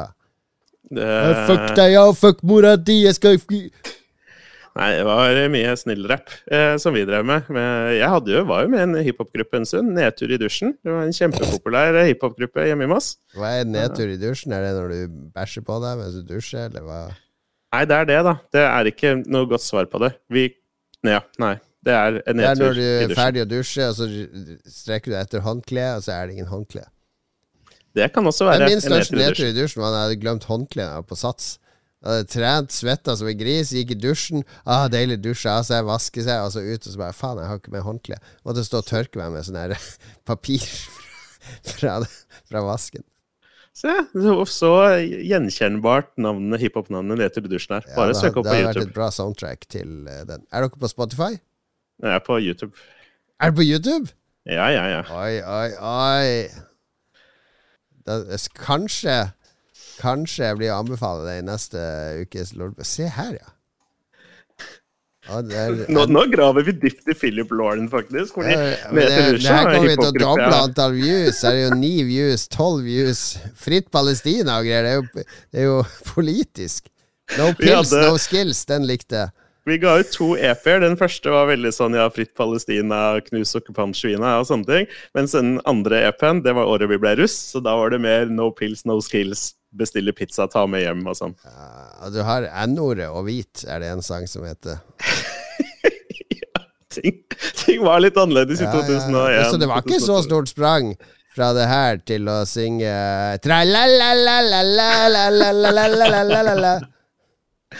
Nei.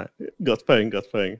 Jeg får se om du blir en gjensyn med Netroduction senere. Oh, dette skal vi høre på. Dette gleder meg allerede. Hva med deg, Lars? Hva er det du anbefaler? Er det nedtur i dusjen? Nedtur i dusjen, hva det betyr? Det er jo hiphop-bandet til Philip for 20 år siden. det er det, at herregud. Nedtur i dusjen. Nei, Det blir bra navn. Okay, nei, ok, nå kan jeg ikke la dette gå. Okay. Hei, det- hei, nedtur i dusjen, nå har du seks subscribers. uh, jeg, jeg må google en ting. Prat litt, okay. grann, så må jeg fortelle dette. Litt. Grann.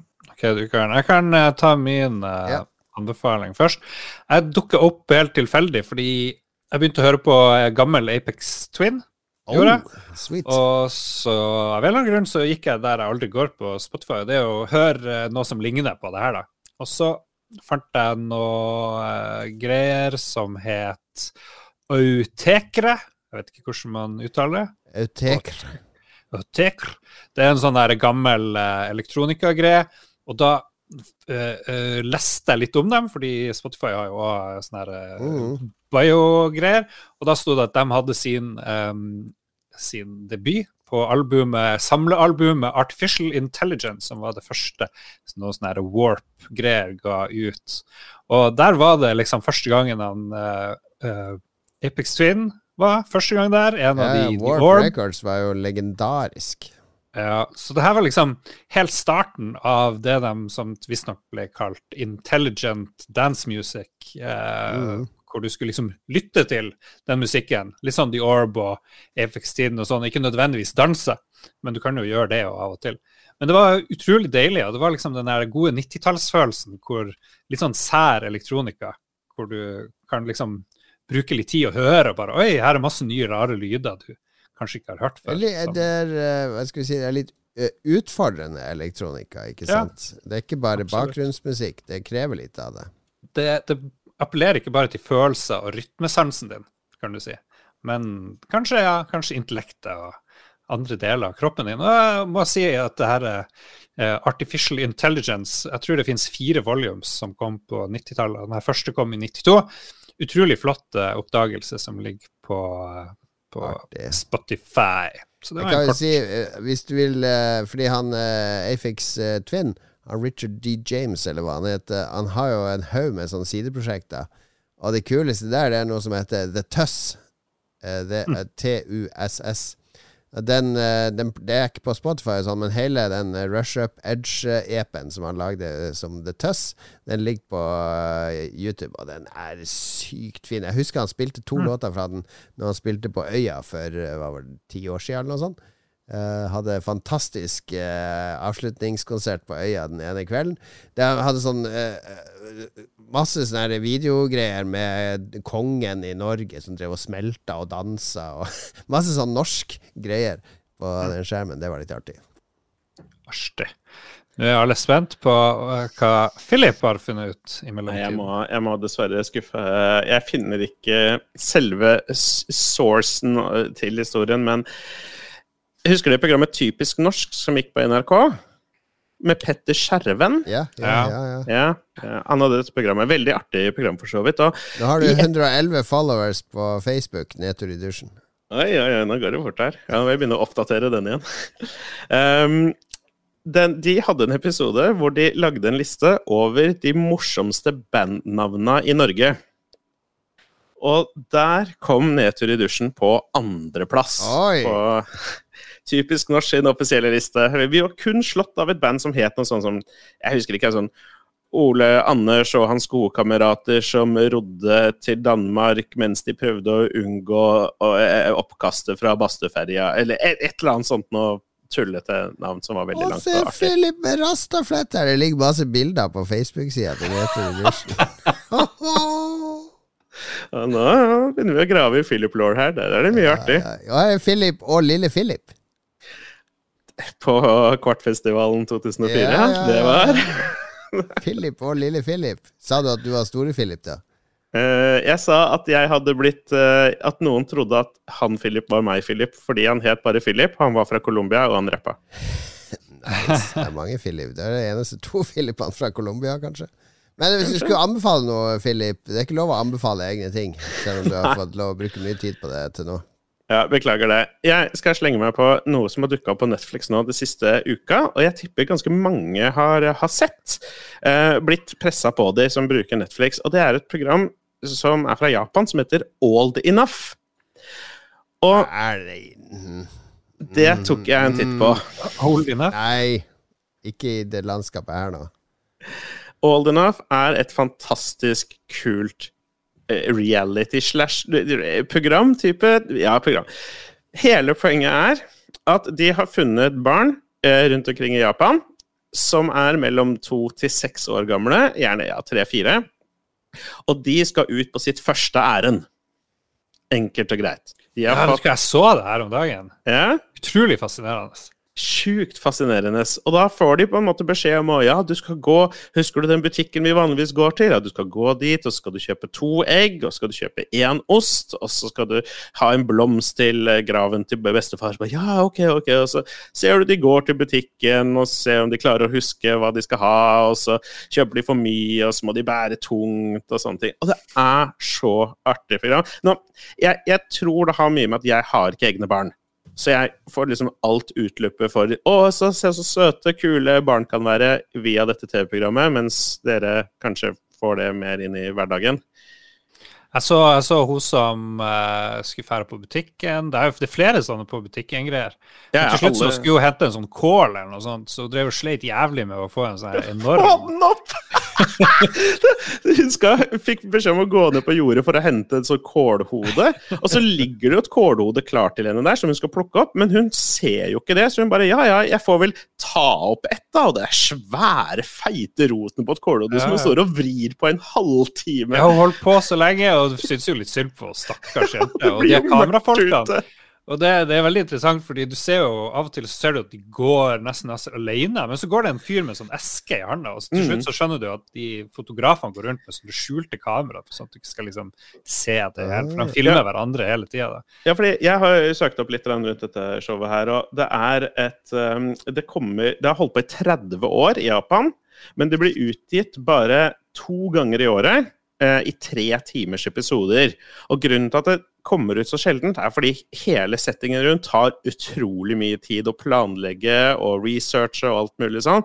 At liksom veien de går skal være trygt, alle skal informeres og sånne ting. Og så skal disse kamerafolka skal kle seg ut som vanlige folk, som står med en kurv i hånda. Så er det kutta ut en firkant hvor kameraet peker gjennom, da, men det dumme lille barnet skjønner jo ikke det. Men en gang iblant så 'Pappa, hva er den der oppe?' Så ser du den dronen som driver og filmer de.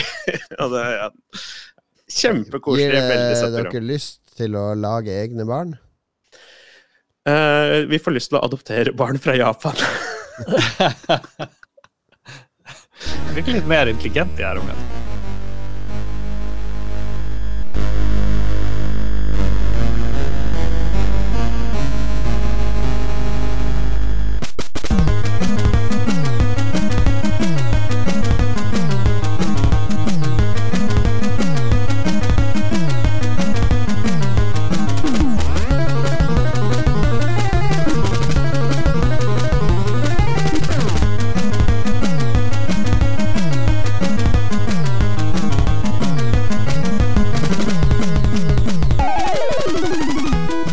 Klassisk musikk fra Gyrus, her uh, Arkadespill-klassikeren.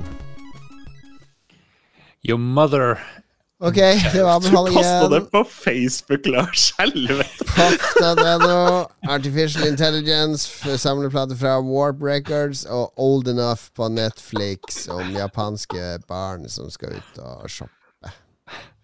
følg nedtur i dusjen på Facebook har vi oppfordra alle til. Det blir bra. Vi skal ha re reunion av Nedtur i dusjen på Lolbua-fest. Det blir bra. Det blir bra. Apropos Facebook, Ja, så er det vel tid for lytterspalte. Ohoho! det er det. Dessverre. Det er ikke så ille. Denne uka så har jeg til og med Lars spurt et veldig ledende, artig og førende bra spørsmål. Hva er det villeste du har opplevd? For eh, lytterne har fått inn en haug med gode svar. Ja. Very nice. Jeg må finne, finne sida. Begynn du, Philip. Du som, Jeg eh, starter gjerne på toppen, jeg, med Magnus Eide Sandstad, vår eh, kjære bidragsyter og lytter. Han skriver han det høres vilt ut å hoppe ut av et småfly for å lage content til YouTube-kanalen sin. Det har jeg aldri gjort. Det var en eller annen sak til- på en nettavis. eh, Ja. Som, jeg ikke, som linken ikke funker lenger. ja. Jeg det kommer til VG, men det er sånn video du må se. Det orker jeg ikke. Ja, orker ikke video. Reklame, reklame. Ja. eh, altså sånn videoklipp som de har dratt ut i det uendelige med en sånn dum stemme på En amerikansk mann fikk seg litt av en overraskelse da han skulle lage et nytt stunt til YouTube-kanalen sin! Og så fryser de bildet, og så skal de tekste det samtidig. Og så bare Drit i det! Rapporter nyheter! Slutt med å, å gjengi ting som dere har funnet på Reddit. Men så er det to, to stykker i studio også som bare «Øh, Du, Anne, har du noen gang eh, hoppa ut av fly for å lage content i kanalen din, eller? Vet du hva, nei, det har ikke jeg gjort, altså!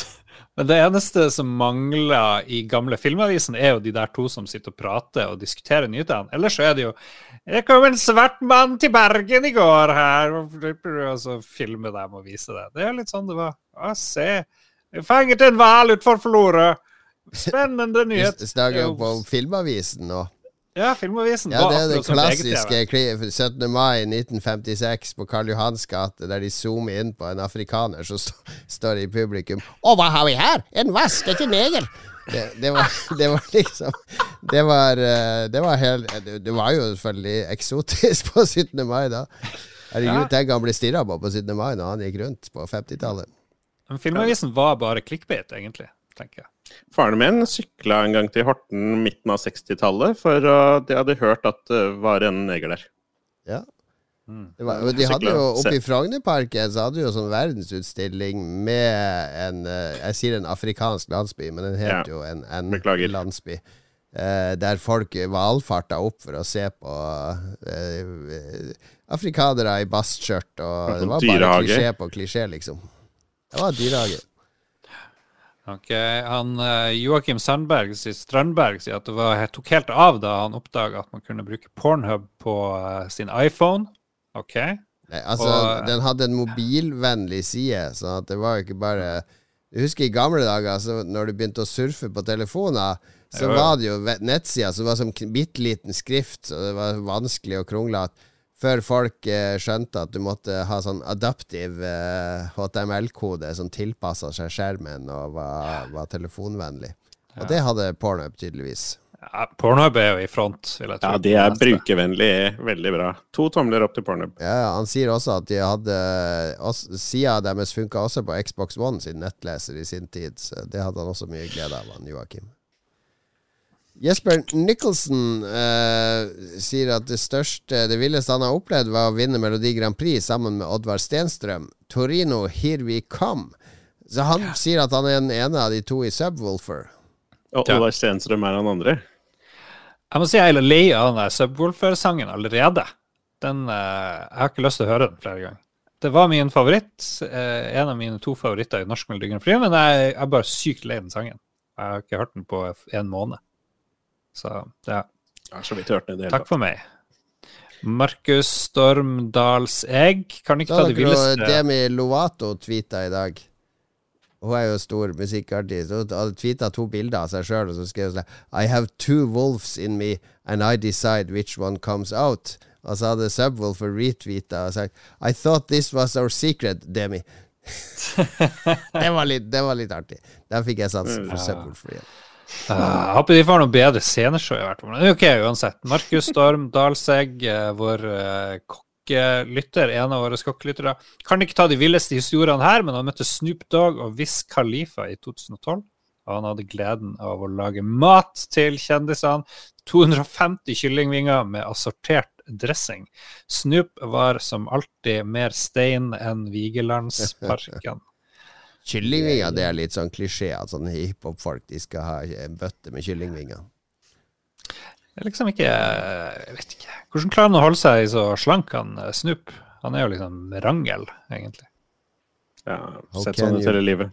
Jeg trodde man spiste mye junk av å drive og røyke så mye som han gjorde, men uh, tydeligvis ikke. Han har nok, et, han har nok to sider. Det ene er med som personlig trener og stålkontroll, og det andre er uh, skeier helt ut. Alle som røyker weed, er kjempetynne, Lars. Ja, ja. Jo, jeg vet det. Trond Sinfjord Borgersen, med største Jeg glemmer hva temaet er. Det villeste han har opplevd, er en Mitsubishi Lancer Revolution 6 TME Edition. Trimma hos Pro Speed, 450 hestekrefter. Do I need to say more? Jeg tror Trond har kjørt litt fort, Ja. tror jeg. Hmm. 450 hester, jeg vet ikke hva du skal med det i Norge når fartsgrensa er 80, liksom. Jeg har sittet med en sånn Lotus eh, crazy bil.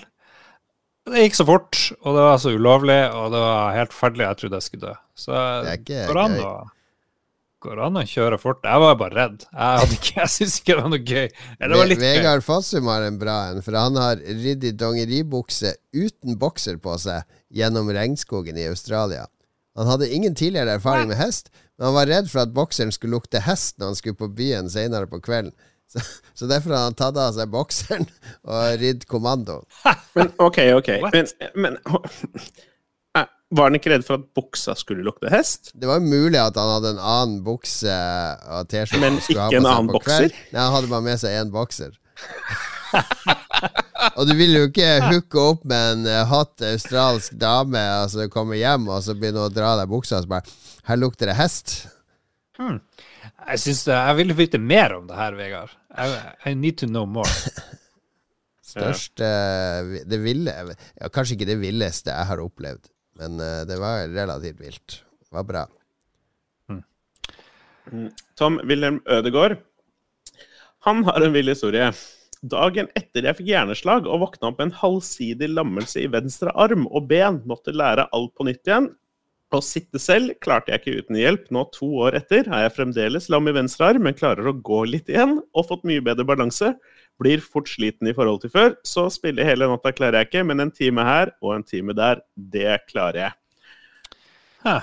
Det må jeg si, Tom Wilhelm. Det er Ja, det er rock tøft. Det er ganske vilt. Jeg husker Tom Wilhelm jobba jo i spillsjappe før, så vi, vi når vi jeg òg jobba i spillsjappe og i manual og i gamle dager, så vi frekventerte jo mange av de samme bransjefestene og sånn.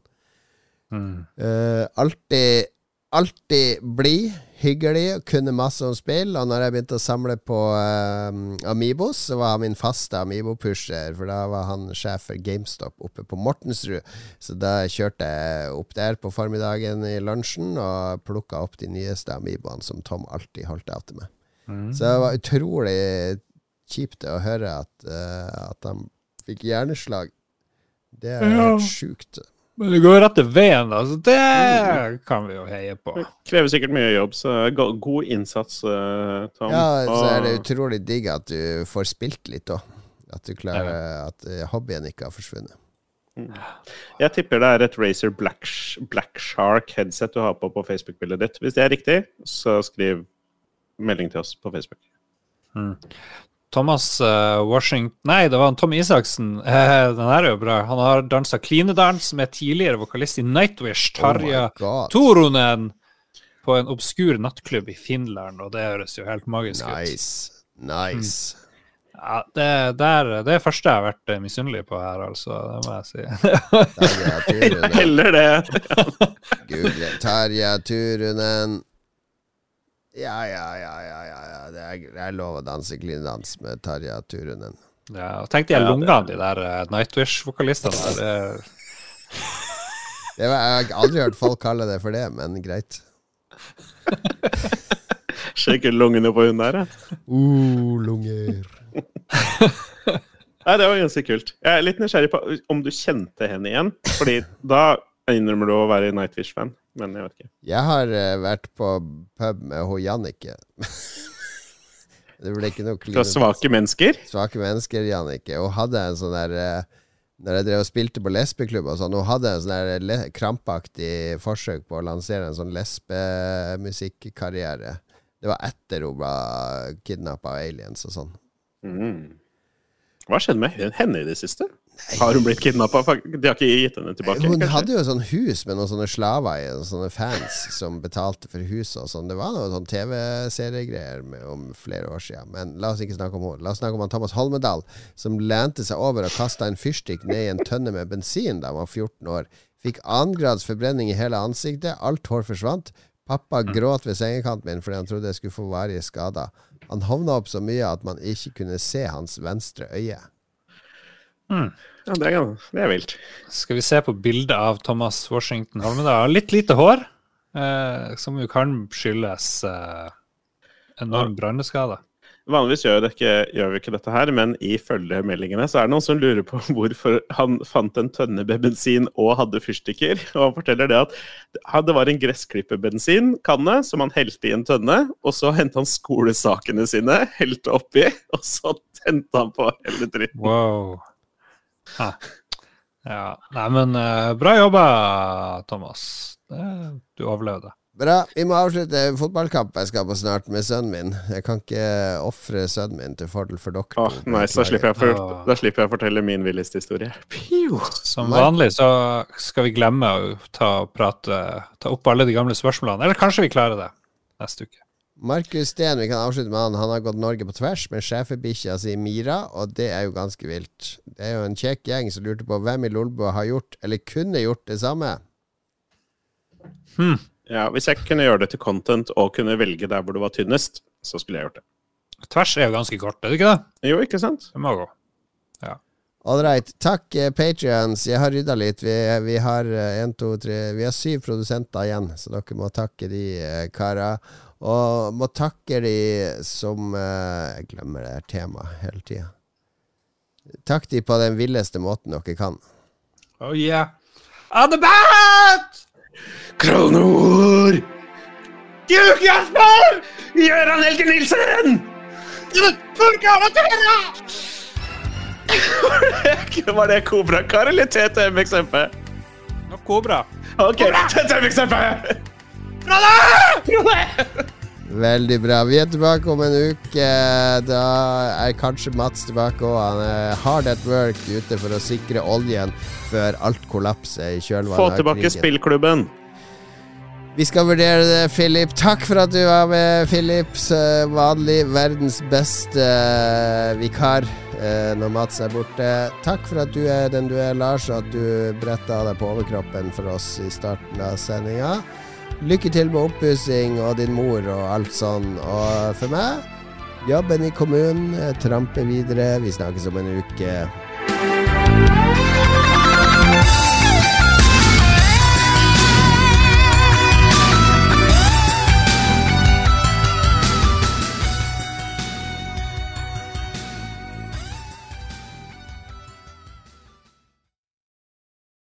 Har du et enkeltpersonforetak eller en liten bedrift? Da er du sikkert lei av å høre meg snakke om hvor enkelt det er med kvitteringer og bilag i fiken, så vi eh, gir oss her, vi. Fordi vi liker enkelt. Fiken superenkelt regnskap.